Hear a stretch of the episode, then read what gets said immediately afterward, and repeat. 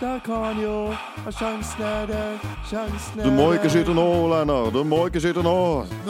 Treffer!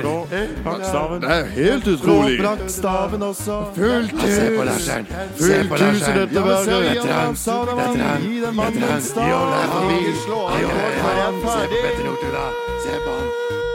Nå kan du slå av rekord. Det var litt tidlig, det. Subjektiv idrett! Uhuhuhu. Hei, og hjertelig velkommen til Subjektiv idrett med meg, deres programleder Carl Ville Børresen. Og over på andre siden av bordet her så har jeg fått en kjent og kjær gjest av podkasten, nemlig deg, Tor Gottaas. Velkommen. God dag. Og det du har kommet for å snakke om i dag, det er en bok som jeg holder i mine hender nå, nemlig Petter Northug, En viljeskalle. Og hva slags bok er dette her, Tor? Det står i forordet at det er en treningshistorie. For Petter han har jo bestemt seg tidlig i livet for å bli skiløper. Det er basert på 40 intervjuer med han. Jeg intervjua ca. 40 andre personer. Og det er jo en livshistorie, men i perioder har han ikke gjort så mye annet enn å trene. Det er ikke en biografi, men det er altså hvordan han har trent. Eh, I boka stilles selvfølgelig spørsmål. Hvem er Petter Northug? Hvor kommer han fra? Hvorfor ble han så god? Og hva gjorde han for å bli så god? Så prøver jeg å svare på det med Petter som informant og 40 andre brødre, foreldre, kamerater, trenere, alle som har hatt med han å gjøre. Så det er en veldig artig måte å jobbe på, for da har jeg snakka med han altså rundt 40 ganger, én til to timer i hvert fall hver gang, og gått i dybden på mye som Petter aldri har snakka om før. Han sa det at han fortalte meg ting som han ikke har fortalt andre, som ting som har gått og tenkt på bare. Så det er en morsom måte å jobbe på. Ikke bruk så mye skriftlige kilder, men muntlige kilder. Ja, og jeg har lest eh, litt av den, og jeg synes den er fantastisk, eh, måten du skriver på. At du personliggjør denne informasjonen, og at eh, Ja, jeg merker i hvert fall dette med folkeminnegranskeren i deg. At du er flink til å Det er jo en folkeminnegransker som ser historien. og Petter forteller, men jeg ser historien nedenfra og prøver å ha et overblikk. og Han kommer jo fra en liten gard oppe i Framværan i Mosvik, gamle Mosvik kommune, som er en del av Inderøy kommune. Og han odelsgutt, født 6.1.1986. Veldig aktiv gutt. Eh, I dag ville kanskje noen sagt hyperaktiv, men han var jo ikke det. Han var veldig konsentrert, men veldig aktiv og gikk på ski til skolen. Jobba på gården, eh, padla til skolen da han var skada. Han var altså en veldig aktiv guttunge som eh, tidlig fikk drømmen om å bli skiløper, om å bli noe stort, om å komme seg ut i verden og, og bli noe, altså. For vil du si at han var Han hadde jo både moderne trekk ved seg, altså det at han var den første nordmannen som var ordentlig god til å gå fellesstarter, spurte, kanskje etter Thomas Alsgaard. Og samtidig så hadde han jo noe av det gamle ved seg, det at han vokste opp på gård, og at han eh, gikk rundt og trente for seg selv og prøvde ut veldig mye forskjellig. Han er, gamle, han er eksempel på den gamle skolen som har vokst opp på en gard, odelsgutt, eh, i Trøndelag, i ei lita bygd. Det var 150 ca. i grenda, 800 i kommunen, like mye som et borettslag i Oslo. Eh, og han ble etter hvert femmisløper, så du har den gamle Han har vokst opp mer sånn som folk gjorde på 60- og 50-tallet, med å gå på ski til skolen, sykle til skolen, eh, gå på rulleski til fotballtrening 15 km hver vei. Han fikk høre at fotball det var ikke trening som skitrener. Altså, det skulle du ikke drive med. Og rulleski var transport, så gikk han altså 15 minutter på rulleski til, til eh, trening. Spilte fotball et par timer og gikk igjen altså tre, tim tre mil på rulleski. To timer fotball, det var jo ikke trening. Nei. Men det er klart det ga mye trening. Så han er en blanding av nytt og gammelt, og han evna da å tilpasse seg det nye. Han vokste opp med sprint, for da han begynte å gå renn, så, så kom jo sprint på slutten av 90-tallet kom som en øvelse. Mm. Den lærte han seg ganske raskt. Mm. Var det ikke først sånn knockout-sprinter sånn helt på starten av 90-tallet? Det var det. Han gikk én mot én. Det var det. I tillegg så kom fellesstart mer inn i Pets sin tid. Så Mm. løpere som f.eks. Anders Haukeland, født i 1972, Frode Ester, Mm. født i 1972, de, de er ikke vokst opp med fellesstart på den måten der, men de konkurrerte Nei. med Peter da han var ung, så han hadde fått med seg her, og han tapte jo en spurt i 1999 i Mm. Molde i midtnorsk mesterskap. Da var han gutter 12 år, for da gikk du i 12-årsklasse den året du fylte 13 år. Og da tapte han en spurt mot en kar. Han lå og kjempa om tredjeplassen. Det var to andre som var foran som var bedre. Petter og en til lå og kjempa om tredjeplassen. Petter dro, og Petter ble slått i spurten, og da ble han veldig sur. Det er ikke sånn virkeligheten skal være, sa han. Jeg drar, da må jeg vinne. Og fra den dagen, i 1999, så, så bestemte han seg for å bli god til å spurte, for han var ganske treg egentlig. Dagen etterpå dro han hjem og trente sprint på gården. Gikk rundt huset, gikk rundt på jordet, gikk rundt på veien i framværende, Og trente spurt og sprint og rykk. Og det tok den sju år, fra da 1990 til han mente at den var så god at den var eh, kanskje utlært, da, og da er vi i 2006. Altså, han, så var han Ja. altså treg både til å løpe og til å gå på ski. Men eh, ja, fordi Petter Northug er er jo egentlig grunnen til at jeg har denne podkasten her. Siden det var han som gjorde meg idrettsinteressert. Veldig artig. Eh, Jeg synes å huske det som det var i går. Det var Tour de Ski-etappe i Oberhof i 2009-10-sesongen. Hvor han spurter forbi et helt eh, felt i snødriv. Alle går i ett spor, bortsett fra Petter, som går litt sånn kaldbeint og staker seg frem. Og dermed ble jeg idrettsfrelst. Men når du sier dette her med at han ikke var så veldig rask, er det, altså, hvordan er det mulig å da trene seg opp til å bli så rask, siden det var vel ingen som var så eksplosive og kunne rykke så voldsomt på Petter, den tiden? Petter var ikke den raskeste sjøl da han gikk, men Petter han hadde evnen til å slå om på riktig tidspunkt. Eh, Og Petter kunne slå om da andre var slitne. Så hvis du hadde noen som gikk f.eks. en spurt eh, fra, fra kald start, da, fra, fra null til, til altså hvor du starta uten å ha noe fart, så kunne Petter bli slått.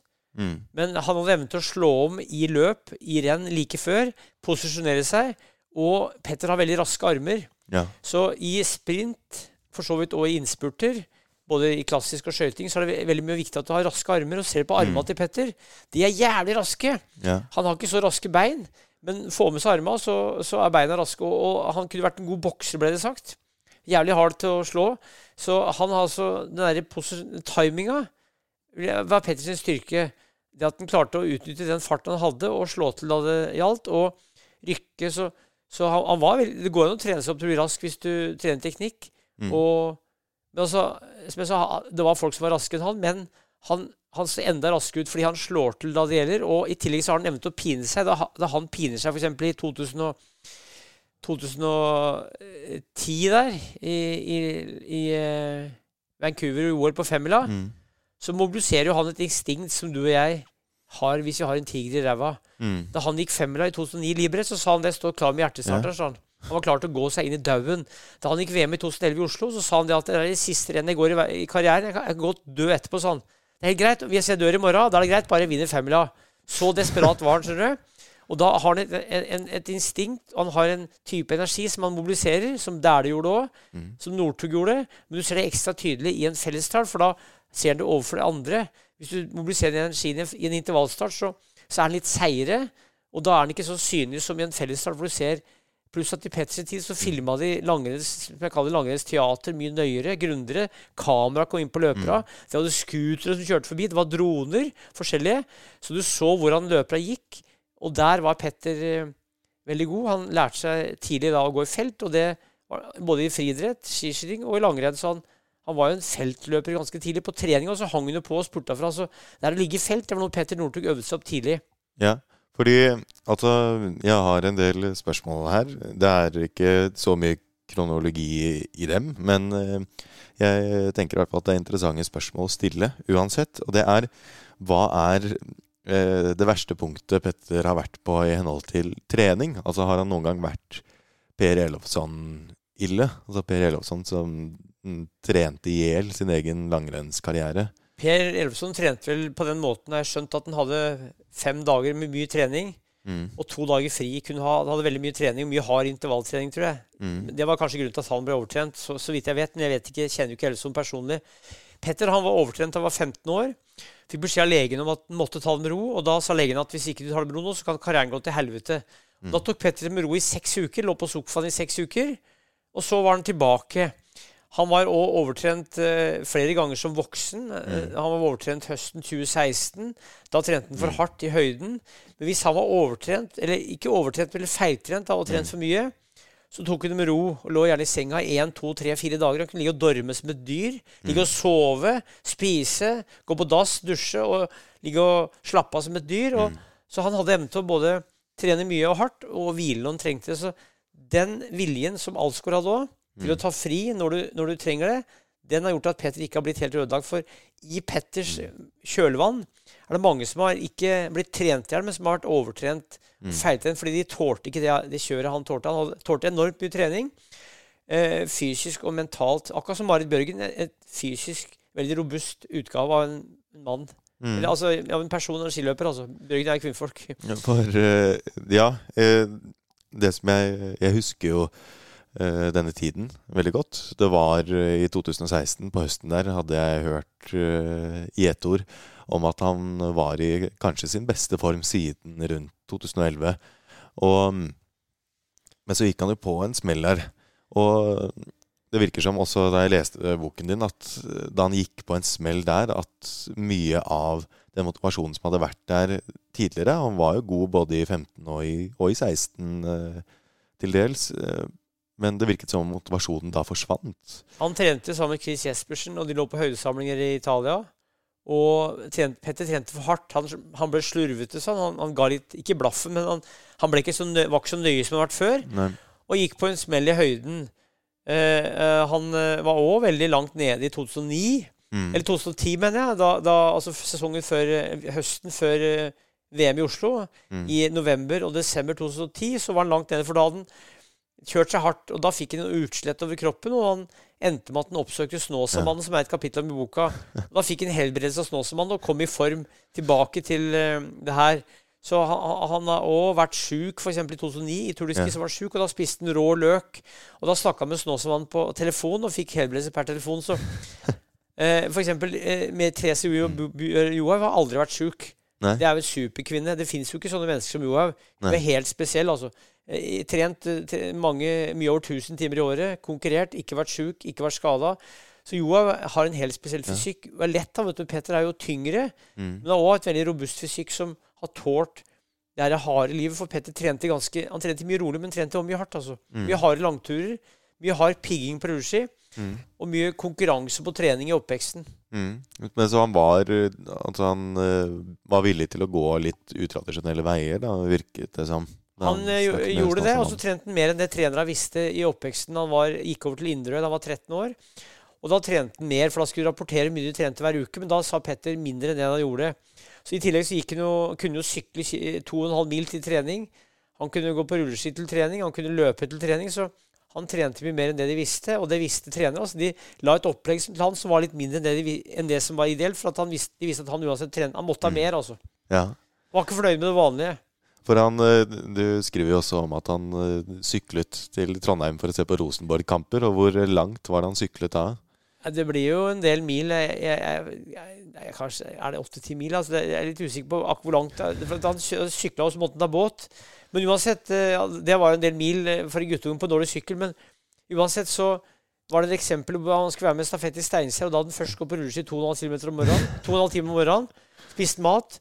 Og så sykla han fem mil. Så løp den lengste etappen i stafetten. Så hadde han en treningsøkt, intervalløkt på bane etterpå. Og så sykla han fem mil hjem. Da var han 17 år. Sånn drev han på. Så hadde han langturer etter hvert på mange timer. Så i oppveksten hadde han mange turer og økter som var lange. Og som sagt kunne være altså tre mil på rulleski på en dag pluss to timer fotball. Det var regnet som transport på rulleski, og fotballen var ikke trening. Så det er klart det ble mye timer ut av det. Det Pluss jobbing på gården. det er helt utrolig. Han hørtes jo litt ut som disse gamle klassikerne fra, fra før andre verdenskrig. De som gikk på ski til eh, femmila Holmenkollen, og så gikk femmil, og så gikk I sin tid Flere så var Petter, var Petter ekstrem. For hvem i Norge på 90-tallet eller 2000-tallet gikk 15 km på rulleski til fotballtrening? Det var ikke mange. Han kunne jo sykle 2,5 mil eller 17 km til eh, trening og hadde teip, eh, bandfast rulleskia på sykkelen. Så sykla han et par mil for å gå på rulleski sammen med kompisen i, i Inderøy. Mm. Og det, hvem var det som gjorde sånn på 2000-tallet? Det var ingen andre enn Petter Northug nesten som gjorde hele Norge. vet du. Nei, for... Da fikk et forsprang på det andre, pluss at han hadde den robuste oppveksten på garden. For det veldig, garden, eh, Selje ligger veldig fint til. Mm. Ligger ca. 92 meter over havet. Fjorden er der nedafor. Og så er det fint bak med å løpe. Det er skogsveier, det er, det er hamninger. Det er veldig fint jorde hvor Jon kjørte opp på spor. Eller Mm. hadde traktor og lagde løyper. Og han, Petter skøyta jo på veien. Han skøyta jo for, foran bilen til faren. Hadde ikke sjulikt. Skøyta foran bilen til faren med armene på ryggen. Så det var gammeldags trening. Jeg skjønner ikke. Det må vel være billigere å kjøpe seg en hodelykt enn å skulle kjøre en bil eh, etter guttungen? Det her er jo, det her er jo noen og 20 år siden, og du vet, hulikt var ganske dyrt, det. Ja. Og det er billigere nå enn det var, og det er ikke sikkert det var så lett å få tak i heller. Men Nei. De hadde i hvert fall ikke ulykt i begynnelsen, og da gikk han altså på ski foran bilen til faren og, og skøyta mye mørke mørket Mm. til, eh, til og fra skolen, da, for at det er mørkt om morgenen opp der om vinteren. Mm. Gjorde som Thomas Alsgaard og skøytet uten staver. Gjorde det, og det mente han var bra, for da styrka han beina. Så Petter han hadde Dæhlie som forbilde, og Alsgaard. Mm. Det er nesten som meg. Det husker jeg min pappa sa til meg da jeg begynte å gå langrenn. At uh, måtte gjøre som Alsgaard og skøyte uten staver. Så har det gått uh, Har ikke gått like bra med meg da, som med Petter Northug. Så vidt. Nei. Nei, men det er rart å tenke på hvor fort tiden går. Fordi mm, da jeg leste dette her, og som jeg sa med da jeg så Petter Northug for første gang, da tenkte jeg at han var voksen. Men da jeg leste den boken din, så forsto jeg at han var jo yngre enn det jeg er nå. Du er 24 nå? Jeg er 24 nå, Ja, ja. så jeg var eh, Han var vel ca. akkurat like gammel som meg da han vant uh, OL i Vancouver. Ja, og det er jo Da er du veldig ung, altså, som femmilsløper. Han vant Ja. femmila da i 2009, og da var han 23 år. Det er helt utrolig ungt. Så Ja, ja. han var ung og kom opp alltid da han var 20 år, så han var jo et fenomen, altså. Og han vant jo Det var jo bare én internasjonal femmil han uh, tapte. Fra 2009 til og med 2011. Ja. Så det, det, han var eh, en femmilsløper av rang. Nå skal det sies at han gikk fellesstart. Da. Han var ikke helt Sixten Jernberg-typen, men eh, likevel. Det er jo ingen andre eh, av hans likemenn som gikk sammen med ham, som klarte å vinne like mange femmiler. Jeg var jo Sixten Jernberg i 2011 og snakka om Northug. Han elska Petter Northug. Han likte jo at Mm. Northug datt i mål. Men han likte typen og likte at han var en kriger. For Petter i skirenn, det var krig han mot resten. Ja. Hos Jernberg var det han mot resten. Hos Petter var det han mot resten. Så Petter Mm. kunne være ufin i språket. Og hvis du ser hvordan Petter gikk, så gikk han ganske, han tok Mm. ganske stor plass. Han hadde en spesiell karisma som skiløper. Mm. Og gikk veldig bredt hvis han skøyta. Og, og var sikkert en drittsekk eller hestkuk, da, for å Mm. bruke norsk uttrykk, mot, mot de andre. Kunne være, i hvert fall. Ja, og han gikk jo Jeg husker jo det at han ble diskvalifisert i Tour de Ski fordi han gikk og subbet med vilje. Mm. Da Colonia angrep, så gikk han foran ham og subbet. Og da heller angrep på andre siden, så gikk han foran ham. Og eh, hadde jo disse taktikkeriene som har blitt kritisert, men også gjorde langrennssporten litt spennende. da Han var jo en slags Mohammed Ali, som du sier, i langrennssporten. Jeg vil si det. Og har bidratt mye til at han har blitt såpass populær som den folk er i dag. Folk ble interessert i boksing fordi Muhammad Ali var bokser, og Petter Northug gjorde at langrennssporten ble interessant for mange som ikke var interessert i idrett engang, som Mm. begynte å følge med langrenn. Som meg. Og mange av de, de forsvant kanskje litt når Petter ga seg, eller da Petter ga seg. Og Mm. vil kanskje komme tilbake litt hvis han gjør det bra nå, Mm. håper jeg. Jeg, jeg merker det at jeg sliter jo med motivasjonen. eh, Det er ikke like gøy nå å se på etter at Petter Northug la opp. Og jeg tror det også ble litt sånn ekstra vondt det at han eh, måtte legge opp på en sånn u, upassende måte. Da. Det var, Uryddig måte, kanskje? Ja, det var liksom veldig Og han fikk ikke lov til å gå på landslaget. Og det var det som var litt rart. Han fikk jo Han ble utestengt eh, nærmest fra verdenscup, fra å gå verdenscuprenn, som var første gang siden da 2006, som jeg også tenker at vi kan snakke litt om. Men fortalte han om hvorfor Altså hva, hva det var, siden han Nei, han var ikke i sin beste form, men likevel så hadde han jo sine meretter, og han hadde jo Var jo da eh, Før eh, Krüger vant OL i 2018, så var jo han eneste distanseløper som hadde vunnet gull siden Oddbjørn Hjelmeset i 2007. Det er riktig, det. Så eh, fortalte han noe om hvorfor landslaget ble plutselig så strenge eh, i forhold til eh, Det sa han det han ikke noe om, men det kan være de unge utøverne som kommer på. Ja, Vil jeg tro. Og Petter var, begynte å bli lei av langrenn sjøl. Han hadde ja. surra en god del. Han uh, gjorde det bra i Falun, så ble han overtrent i 2016. Mm, Og så, gjorde han det dårlig i Lahti. Men hvis han f.eks. i 2017, altså 2016-17-sesongen, hadde hatt, ikke hadde blitt overtrent, så kunne han tatt gull i Lahti. ja, ja. Det hadde han gjort. Han var, han var jo tross alt med og kjempa der òg. Men Han var jo bare 31 år. ja, han var ikke for gammel. Men det var ting som gjorde at uh, han hadde hatt veldig stor suksess. Han hadde fokusert veldig mye fram til han var 25 år i, i Oslo i 2011. Så det var det med den derre at det ikke Det var like lett å holde fokuset når det ikke gikk så bra. For hvis han hadde litt motgang og sjukdom, så, så ble det lett for at uh, da mista han kanskje interessen. Ja, Litt. for, eh, men apropos dette her. For det gir jo litt mening når du sier det, at han, at han var sliten, at han ikke hadde den motivasjonen. Men i 2006 da var det jo han som var den fremadstormende løperen. Da nesten alle andre løpere var født på 70-tallet, og sent på 70-tallet. Nei, jeg mener tidlig på 70-tallet. Um, og hva var, det, hva var det som gjorde at, eh, at landslaget de var så utrolig kritiske til å la ham få gå da han egentlig var god på akkurat det landslaget trengte. I 2006 så vant jo Petter Northug tremila i NM på Kongsberg. Jeg var der og så på. Ja. 15 km klassisk, 50 km skøyting. Mm. Han vant spurten og ble norsk mester foran Frode Estil. Mm. Og i Norge hadde det aldri vært, og det har aldri vært til dags dato, en junior som har vært med, mannlig junior som har vært med i OL. Altså det er for senior, det, da. Så i Sverige så var Thomas Waspe med i OL i 1976. Han fødte i 1956. Og det har vært noen østtyskere som har gått OL, Mm. og kanskje noen andre. Jeg vil tippe kanskje noen finner, og muligens noen amerikanere og russere òg, kanskje. Jeg tror Ja. Smirnov fikk OL Han var født i 64. ja, og han gikk i OL i 1984 i Sarajevo, er jeg ganske Ja. sikker på. Men, men i Norge har aldri en mannlig langrennsløper gått uh, OL, så det var noe med det at uh, du skulle ikke ta ut juniorer. Så det var egentlig Mm. tatt ut på forhånd. Delvis det der, det var jo et slags politisk vedtak, da. Mm. Og i 1980 så, så var Pål Gunnar Mikspass Han var kanskje god nok til å være med i OL. Han Mm. var veldig god. Han er født da i 61. Han var i, nest siste års junior. Mm. Eh, Thomas Alsgaard gikk jo VM i Falun i 93. Da var han første senior. Ja. Men han var ikke med i Albaville i 92. Men selv om ja. Alsgaard var veldig suveren som junior, så var han ikke med i OL det året. Mm. Sikkert god nok, kanskje. Så det var nok det at de hadde bestemt seg, tror jeg. Og Petter han tror jeg fortsatt er irritert over det der. Mm. For at eh, hvis du ser på OL sånn det ble, så, så var det mange som tror at han kanskje kunne hengt med. Men det Mm. var litt det at det var høyden. Mesterskapet gikk i høyden. Ja. Petter hadde trent bare ei uke i høyden, så vidt jeg vet. I hvert fall eh, det året hadde han trent høsten før hadde han trent ei uke i høyden. eh, Kanskje en drøy uke. Mm. Så han var ikke, var, ikke skole, han var ikke inntrent i høyden. Han var ikke akklimatisert. Han var ikke vant til å konkurrere i høyden. Hadde Mm. kanskje aldri gjort det. Så det var en blanding av det at det var høyde i mesterskapet. Det var på 1600 meter, kanskje, rundt der. Muligens litt mer òg. Mm. I Cortina, eller, eller, eller Torino. Ja. Eh, Cortina var i 56. ja. Torino var i 06. eh, Så mm, det tror jeg var eh, egentlig dødfødt uansett om han vant. Men det er klart, da han vant i Falun senere det Mm. året, tremila, så fikk han referanse. Mm. Da viste han at han var best, ikke bare i Norge, men best i hele verden. Og det var spesielt at en mann vinner junior. Mm. Det er veldig spesielt. Og det som var eh, spesielt da, var jo det at han hadde jo vunnet Han vant jo da foran de beste. Han slo jo Tobias Angerer, som var kjent som mannen som aldri kunne tape en spurt. Helt til han møtte Northug for første gang, og da tapte han. Riktig. Og Petter han gikk jo femmila, vet jeg, i Holmenkollen det året. Mm. Da var det vel skøyting. Det var vel eh, Intervallstart. Sødegren som vant intervallstart, ja. Jeg som var og så på. Mm. Petter ble et stykke ute i intervallstart i skøyting, men uansett, han var god.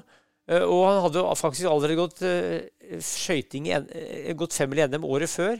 Ja. Han og Erik, Erik Banstad gikk femmila på, på Lillehammer i 2005. Jeg var og så på den nå. Mm. Og da var det jo nest siste års junior. Bransdal Mm. født i 86. Så Petter hadde gått noe femmila, hadde gått lange renn. Så Det kom på tolvteplass i den femmila i 2005. ja, i Kollen, ja. Nei, eh, altså i NM 2005. Ja, ja, ja. ja, ja. Og det var klassisk intervallstart, Ja. var det det? Det var vel det.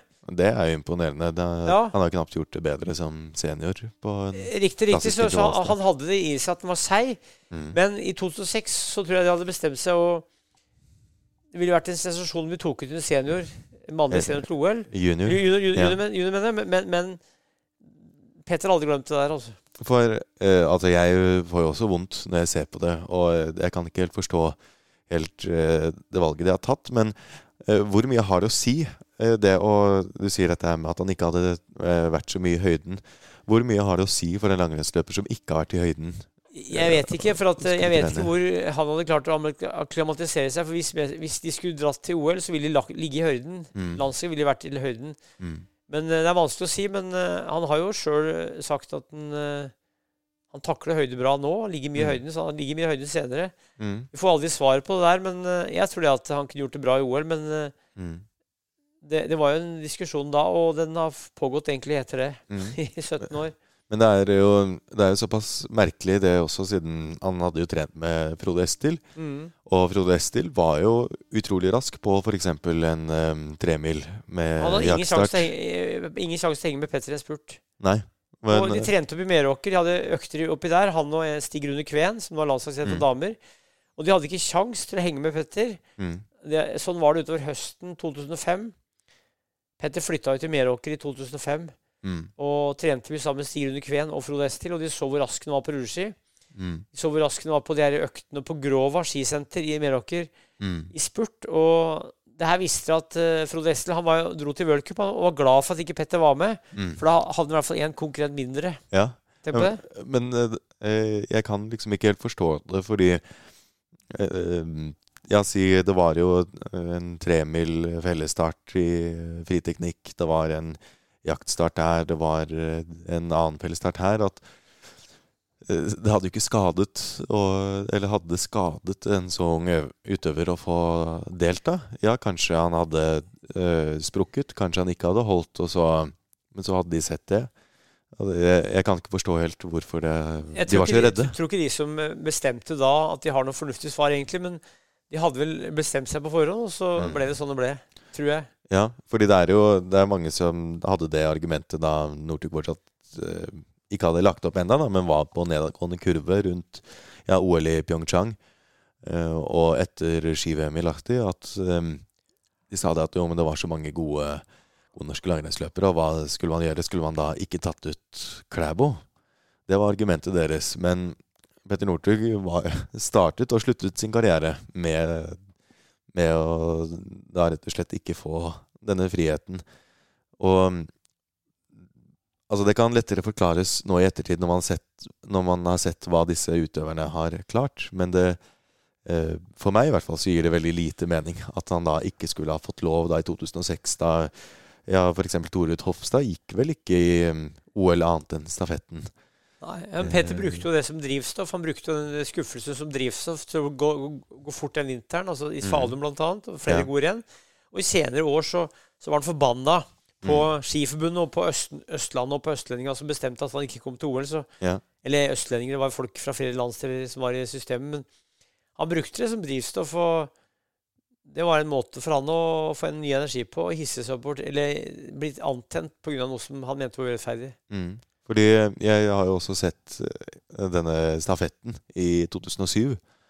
Og da har jeg også tenkt på det, at hadde han spurtet så raskt, så voldsomt, og han ikke hadde opplevd denne uretten da, som han opp, øh, opplevde, det med å ikke bli tatt ut til OL, det med å falle på tremila i 2007 da han var egentlig en seierskandidat um, Tor Arne Hetland falt på teamsprinten, så han gikk med han Petter. Petter tapte egentlig to gull der, han. Ja, og eh, Men tror du da at han hadde klart å spurte så raskt om han ikke hadde hatt da denne fanden i voldskheten i seg? Jeg tror nok det, for at hvis du ser på spurten han hadde i 2006, da han ble, før, han ble tatt, før han ble vraka til OL, Mhm.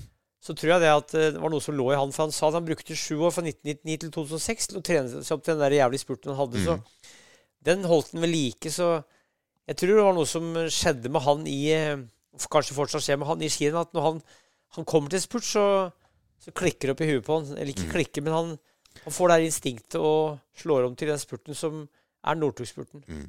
Jeg husker også, jeg husker også ski-VM i 2011. Det er det første ski-VM-et jeg husker å ha sett direkte da det gikk.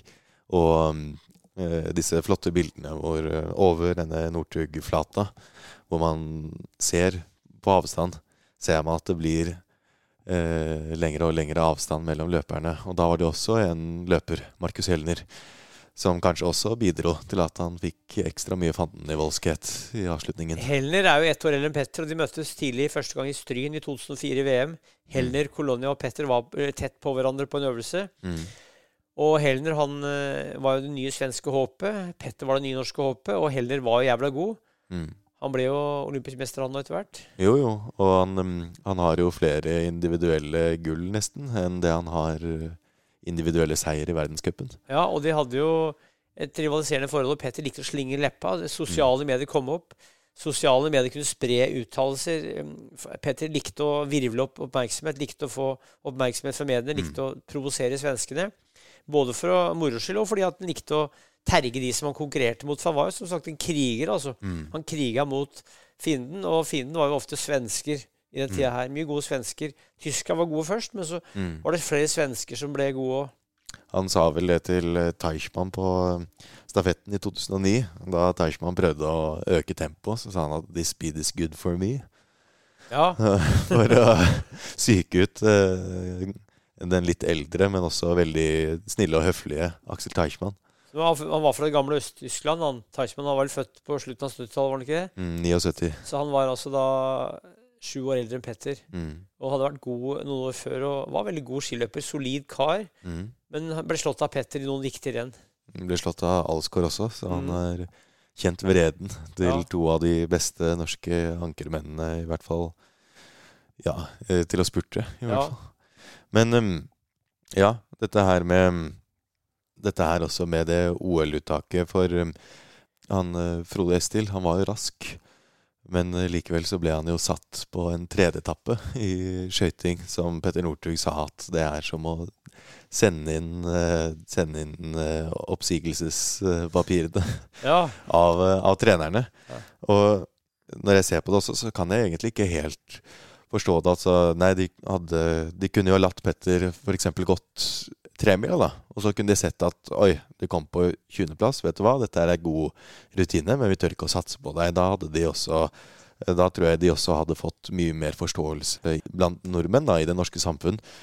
For det var jo litt det at det endte så dårlig egentlig hele OL-et. Gikk jo ganske Gjorde dårlig for Norge. Det? Og det var jo Ja, det var Frode Estil som tok en overraskende sølvmedalje på tremila etter en forrykende spurt. Etter fall og skibrekk og starten, ja. det som verre var. ja. Men ja, dette her med å sette Frode Estil på en tredjeetappe De hadde jo de hadde mange gode klassikere, så jeg hadde forstått om han var klassisk løper, Men eh, de kunne jo alltids ha tatt en skiskytter. Eh, Lars Berger, eh, Bjørndalen, Frode Andresen, Kristen Skjeldal. Jeg vet ikke. Og, eller som Petter sier, tatt Hofstad på tredje og han på en fjerde. Ja, for dette i NM i 2006 så vant jo Petter Tremla. Og i stafetten dagen etterpå på Kongsberg så gikk jo Petter mot Lillehammer skiklubb, som Pet, eh, Torjud Hofstad er jo fra Hurdal, eller Mm. Huddalen. Men han gikk jo for Lillehammer skiklubb da. Så da hvor er hun? Pet- Hvor er eh, Hurdal er jo på Romerike, til Ja. venstre for Reidsvoll oppi der. Ja. Eh, fin skiløperbygd og Huddalen. Og der eh, Sindre Burås er fra Huddalen. Mm. Løperen. Han var også skiløper. Så Ruud Hofstad gikk jo ut eh, sammen med Petter, og Petter slo han. Så Petter visste at han sannsynligvis skulle gå ankeretappen for Norge. Mm. Kanskje i OL, eller, i hvert fall i VM. Så han har gjort det før i VM. Så det var noe med at Petter slo han som Norge mente var best til å- gå en sånn etappe, og da var han bedre, han. Og det var han jo faktisk da. Ja. Vil jeg tro. Og eh, for Tore Tofstad, han var jo han var rask. altså Han tok jo sølv på eh, fellesstart med skibytte i 2003. og Da slo han jo Ja, det var vel Jørgen Brink og Teichmann, om jeg ikke husker helt feil.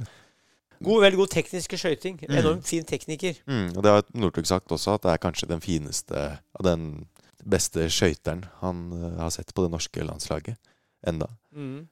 Men ja, han fikk jo ofte gå disse etappene fordi Norge hadde så få andre. Og man så jo det selv da Petter Northug gikk, så var det jo Man måtte jo ta inn eh, Lars Berger, Ole Einar Bjørndalen, Frode Andresen da det var eh, 15 km eh, fri teknikk. Kanskje særlig intervallstart. Men eh, nei, det er vel litt som du sier, at eh, man var eh, man eh, var prinsippfaste på at man ikke skulle ta ut noen juniorer. Ja, og så var det ikke gjort før. Og så Skiforbundet er jo en merkelig organisasjon. Ofte de har flere ulike hensyn å ta. Ikke merkelige organisasjoner, altså, men de har ulike hensyn å ta. Så det er sikkert ikke lett å vite hvordan det var å ta den avgjørelsen. Det var flere lag som bestemte, flere nivåer som bestemte, tror jeg. Mm. Norges skiforbud, er ikke det? Ja, det det, Norges kalt? Skiforbund imot alt, ja. Og jeg har jo også litt sånn treningsmessige spørsmål her. Altså, Hadde Petter Northug noen spesielle rutiner da det kom til eh, søvn? Han sov mye. Han sov alltid på dagen. Mm. En time eller to midt på dagen. Trente, spiste, dusja og sov. Og det er noe som jeg Det er godt å sove på dagen av og til hvis du trenger det, men jeg hadde ikke orka det, så klart. Eh, For meg ville det vært kjedelig, men de som trener så mye som han gjorde, og spiste så mye, for han spiste jo jævlig mye Det er klart at Spiste to middager og, eh, om dagen og to Var det ikke 16 eller til 24 brødskiver, eller det er helt enormt. Også, du vet at Da trenger du å sove, og særlig hvis det er ung mann Mm. som, som kanskje vokser eller er i utvikling. Så han eh, sov eh, I perioder så sov han jo veldig regelmessig. I mange år fram mot 2011 så levde han veldig regelmessig. La seg klokka ti kanskje, sov på dagen. Sov, sov vel sikkert bort, bortimot ti timer i døgnet. mm. ja. Eh, og da lå i senga og hvilte i tillegg, altså. Spilte dataspill, lå fingrene med mobilen, lå og slappa av. Mm. Så han var veldig god til å hvile. God til å trene, god til å lytte til kroppen. Treningsintelligent, men også veldig god til å hvile. Altså, det er jo litt kjedelig, syns jeg, men skal du gå i idrett, særlig langrenn, så må du hvile mye. Mm. Og eh, for hvor lang kunne de, de lengste eh, treningsøktene hans eh, vare? Eller hvor langt da i distanse? Han hadde jo mange tretimersstudier på rulleski, men Meråker hadde noen løpeturer på fem, seks, sju timer. Ikke så mange over, over, fem timer, men Nei. det var løpetur på seks, sju, åtte timer der sammen med Hallgeir Lundemo i myra. Ja. Men det var jo rolig løping. Men han hadde mye harde langturer på tre timer på rulleski, og det ble du sterk av, både i mm. fysikken og i huet. Mm. Pigging eller skøyting tre timer om sommeren. Mye av det, altså. Og en del harde løpeturer òg. Men uh, det var det at han uh, var flink til å variere. Men jeg tror nok det at Og det sa Nossum, trener for norsk herrelandslag i dag. Mm. At du, du, du, han anbefaler ingen å, kop å kopiere Petter Northug.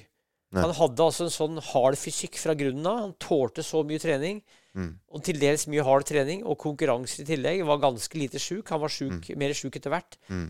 Så, så, det at han tålte det, det er ikke det de sagt at andre tåler det. Nei. Og det vet vi er veldig ulikt. altså at folk, Både hva folk trenger av trening, og hva folk tåler av trening. For uh, dette her med um, han uh, Hallgeir Lundemo, ja. som du nevner, hvordan kom det, kom det vennskapet frem? De hadde jo møttes, og i 2005 så var de sammen på et renn i Sverige. Sammen med Frode Estelov, og Stig Rune Kveen. En mm. sprint. En slags nasjonskamp mellom Norge og Sverige. Heter Hoting oppi der. Mm. Og så var de sammen på Sognefjellet. De kjørte sammen hjem fra Sognefjellet. Hallgeir, som er født i 67, god skiløper. Sønn til Magna Lundemo, gammel landslagstrener fra 1978. 77 til 1984, var det vel. Ja. Og han bodde på en, et veldig fint hus oppe i Meråker, han Hallgeir. Og han øh, jobba for Fischer. Mm. Og hadde vært trener i Østerrike, hadde vært trener flere steder og god til å smøre ski.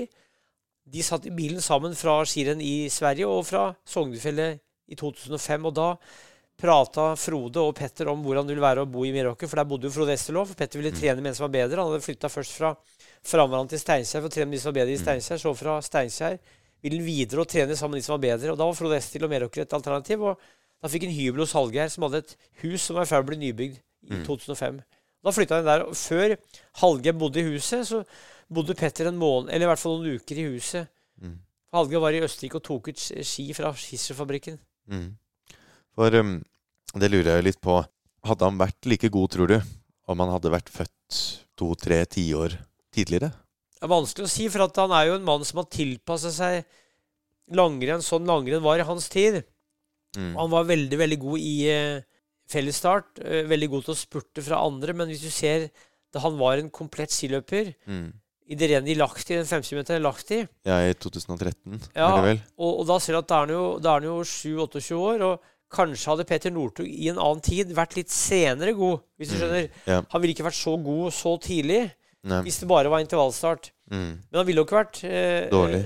Eh, ville nok vært god eh, og blitt verdensmester og OL-mester, men hadde, hadde tatt lengre tid å komme seg opp, tror mm. jeg. Ja. Men jeg vet aldri. Men jeg tror det er et bra spørsmål. Og han er nok ikke fysisk det største talentet vi har hatt, for du har jo hatt mange enormt store talenter. Mm. Petter Northug veier jo ganske mye. Han var aldri noe særlig under 78 som voksen.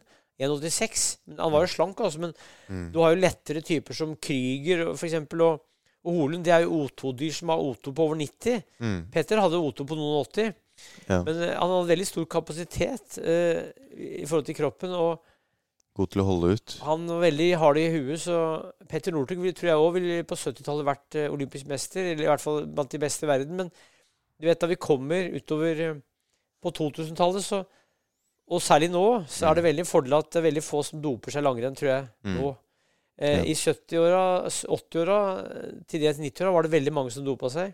Mm. Eh, så de som konkurrerte uten dop, de var da eh, ikke dårligere så klart enn dopere, men de hadde noen ulemper, særlig i mesterskap. For dopera de spissa mot mesterskap. Så, så, det å vinne mesterskap på 70-tallet, det kunne være vanskelig. For der var det russere som var gode. Så mm.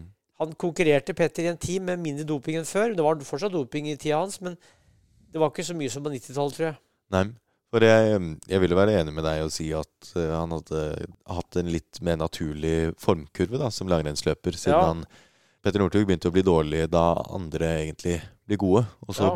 begynte han å bli god veldig lenge før andre egentlig begynte å bli gode. Men jeg vil jo tro at han ville ha gjort det bra, siden han eh, var så ihugget interessert i å bli best. Så jeg tror det var mer det at grunnen til at han ble god i fellesstart, var på grunn av at det ble mange flere fellesstarter, jaktstarter, sprinter.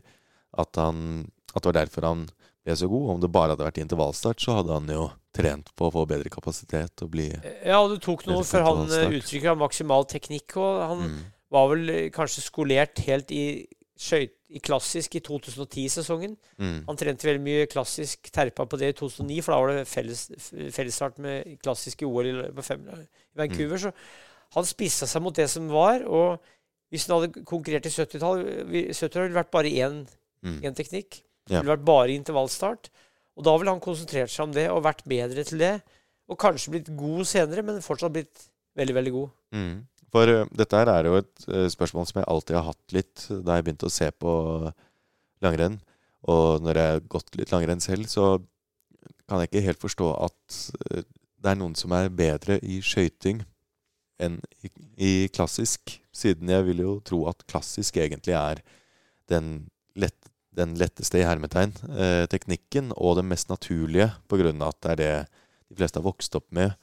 Men likevel er det da enkelte som sliter mer med denne mm, gamle teknikken, da, hvor man går i spor, og man går diagonalgang. Det kan være litt hva du er interessert i. For at uh, hvis du som unge syns det er morsomt å skøyte, så terper du kanskje mest på skøyting Mm. i vekståra. Og hvis du går to teknikker Jeg går jo bare, jeg kan jo skøyte litt, men jeg, jeg har ikke interesse av det, for jeg syns det er morsomt å gå klassisk. Hvis en går mye skøyting og får smaken på det, så er det klart at eh, klassisk tror jeg er en teknikk som Jeg sier ikke at det er lettere å lære seg skøyting, men klassisk er en teknikk som er jævlig vanskelig å lære seg, for du Mm. skal ha feste i tillegg. Du skal jo I skøyting så er det jo ikke noe feste. Mm. Så det er mer eh, Jeg tror klassisk er mer sammensatt. Ja. Mer skiftende og mer varierende fra renn til renn. Og med skipar til skipar, så Klassisk er veldig vanskelig å lære seg. Altså. Ja. Jeg, jeg, det er ikke noe vanskelig egentlig hvis du gjør det, men altså, å bli supergod i klassisk, det Da må du begynne tidlig å terpe og være god til å tenke teknikk. Mm. Ja, det gir jo mening. Petter Peter Northug har også sagt det at han lærte mye av å eh, bli tatt igjen av Daniel Rickardsson. Så at han lærte til og med under skirenn. At han kunne følge med, og at han kunne herme etter teknikk. og Det gjorde han jo også på denne femmila i 2005. At han gikk, gikk i felt sammen med de beste. Så på de store gutta, så åssen de gjorde det, og lærte For Petter har vært veldig nære, lærende, men fortsatt det. Han lærte av de andre, de som var bedre. og De kjenner til alle som er god idrett. De lærer av de som er bedre, og så finner de sin egen variant og gjør det på sin måte etter hvert. Mm. Men um, eh, som sagt, det er ikke veldig kronologisk eh, rekkefølge på disse spørsmålene mine. Men um, jeg stiller dem likeså. Ja. Hvordan, hva tenkte Petter om uh, denne sesongen, 2010-11-sesongen? Siden du sa jo det at han var ganske overtrent, og at han, kroppen begynte å reagere veldig negativt. Han, Han var jo ikke veldig bra trent i i 2010. Han satsa alt mot VM i 2011. Det var hans livs mål. Han hadde Mm. pekt seg ut det egentlig fra han var 16-17 år, og nå toppen i Oslo. Da var han rundt 25 år. mm, Han fylte jo det vinteren 2011, i januar. Så han var øhm, Og han fikk jo noe utslett på kroppen etter det rennet på Beitostølen i 2010. mm, Og det hadde han aldri vært borti før, at han fikk Nei. utslett. Ble sjuk og fikk utslett. Det er sikkert tegn på at kroppen er i ulag, eller at systemet ikke fungerer. Ja. Og da dro han hjem til Trondheim og lå der og slappa av. Han bodde hos Rakel Nordtømme, som ja, var sammen med Rakel Nordtømme, var hos hun i Klæbuveien. mm, Men han bodde i Klæbuveien, ja. Og, eller i hvert fall hadde et, en hybel oppi der, en leilighet. Og han øh, slappa av, og VM det kunne jo risikere å spøke for han. mm, Så han øh, Are Sørum Langås, som var en kompis av Petter, som selv ble manager, han øh, foreslo at de skulle dra til Snåsamannen. Petter Mm. var motvillig, han ville jo ikke det. Mente det var tull, men vi hadde snakka med året før på telefon da han var sjuk i tulliski Mm. og spiste rå løk, så det lukta rå løk over hele stadion. Så de dro dit sammen med Arild Strøm Langås og Stig Rune Kveen dro til Snåsamannen. Og Petter hadde med seg ski i eh, bilen. Så det var snakk om at du kunne gå på ski på vei tilbake. Og etter at Petter var inne hos Snåsamannen, så da gikk han inn sammen med Snåsamannen på et rom, Urolf Gjerstad, alene. Ja. Så satt uh, Are Strøm Langås og eh, Stig Rune, tror jeg, og, og snakka med kjerringa til Snåsamannen i huset. Ja. De var på et kontor, og da, og da tok han og tok på ryggen på han og tok på låra på han mm, på beina, og så spurte er du sliten, og så er du sliten. Og så kjente Petter at det kom en slags energi og varme fra Snåsamannen. Han kjente et innskudd av varme, sa han. Ja. Det her holdt på ca. en halvtime, og Snåsamannen er veldig rolig stemme. mm, Gammel gubbe. Da var han jo Han var jo født i, på 20-tallet, så han var mange 80 år. Ja. Han eh, kanskje var 84-85 år. Eh, er- eller over 80 år, i hvert fall. Og han eh, kom ut derfra, og så kjørte de videre. Og så stoppa de i Steinkjer. Han Mm. bodde i Snåsa. Steinkjer er jo lenger sør enn Snåsa. Mm. Og Petter han spente på seg skia på stadion der og gikk. Og var i jævlig god form. Det gikk dritlett. Og hadde han ikke trent på lang tid og vært i god form på lang tid, så hadde plutselig fått et innskudd av energi og kraft fra Snåsamannen. Hva det skyldes, visste ikke Petter, men, men da han var der, sa han at han kjente en varme. Og det sier folk som har vært i kontakt med Snåsamannen. Han hadde varme, han hadde noe varme i hendene. Han hadde kanskje noen legende krefter som vi ikke vet om. For jeg mener at eh, det er helt sikkert mer enn vi vet mellom himmel og jord. Ja. Og Snåsamannen hadde sannsynligvis emner som vi ikke kan forklare, men som var der, og som var ekte for de som opplevde det. Ja. Men det Ja, det reddet jo ski-VM, uansett om det? var, eh, om det var Snåsamannen eller ikke. Så ble ski-VM reddet. For hvor eh, Hvor eh, kort tid eh, Når var eh, det var Jeg vil tro at dette er rundt desember 2010, da, siden han deltok jo i Tour de Ski i hele ti Ja, Nei, 10-11-sesongen. ja. Så det var jo like før det, og det var jo, han var med i et skandinavisk eh, cuprenn, og var han kom på andreplass, tror jeg. Mm. Så det var altså like før sesongstart, og hvis du drar med deg noe dritt i kroppen, overtrening eller hva det er for feiltrening i begynnelsen av sesongen, så er det vanskelig å bli kvitt det Mm. utover vinteren. Så de, kunne ha spøkt for VM, men han Mm. klarte å redde seg og kom i veldig god form til VM. Ja. Men øh, han har jo begynt å bli god nå, igjen. Og ryktene vil ha det til at øh, det kanskje kan øh, Rykte om et comeback, ikke bare som langløper, men også som langrennsløper. Det vet jeg ikke. Han satser langløp, og han jobber jo for TV 2. Han jobber for merkevaren sin. Han, han har flere jobber og er veldig aktiv, så han trener nå mot langløp. Han har satt et mål fram til 2026 om å prøve å vinne Vasaloppet enten før eller senest da han er 40 år. Han fyller jo Mm. 40 år 6.1.2026. Yeah. Og satsinga for langløp den går 24, 25, 26. Yeah. Så det er målet nå. Og han trener bra. Staker, pigger, løper, trener styrke og bygger seg hytte på Moseltoppen som snart er innflyttingsklar. Så han, han gjør det han kan for å bli god, og gjør det innafor de rammene som han har, for han jobber jo. Mm. Og hvis han skal vinne Vasaloppet, så tror jeg han må ta fri noen måneder bare for å gå på ski. Men om vinteren så satser han jo I fjor så var han ute og reiste fra desember fram til mars. Han Ja. jobba jo for TV 2 og gikk turen i tillegg, så Mm. om vinteren er han skiløper. Ja, For um, Thomas Alsgaard, eh, hans eh, store idol, han eh, gjorde også det at han gjorde comeback egentlig som en langløper. Men gikk jo også noe langrenn i NM blant annet. Med stor suksess. Og vant jo Var det to bronsemedaljer han fikk på to år? Ja, Var det ikke helt på Voss, da? Jo. Og, og så da, både i 2011 og i 2012. Da var han jo 39 Ja. og 40 år. ja. Så han var jo det samme som Petter Northug vil være i 25 og 26? jeg tror nok 26. Alsgaard, hvis du tenker rent råtalentmessig, at Alsgaard er kanskje noe av det største talentet vi har hatt. Mm. Han var jo ekstremt fysisk og veldig god teknisk, og Alsgaard, han eh, Han var jo Jeg husker jeg var der på Voss og så det igjen da han kom på bronse og Mm.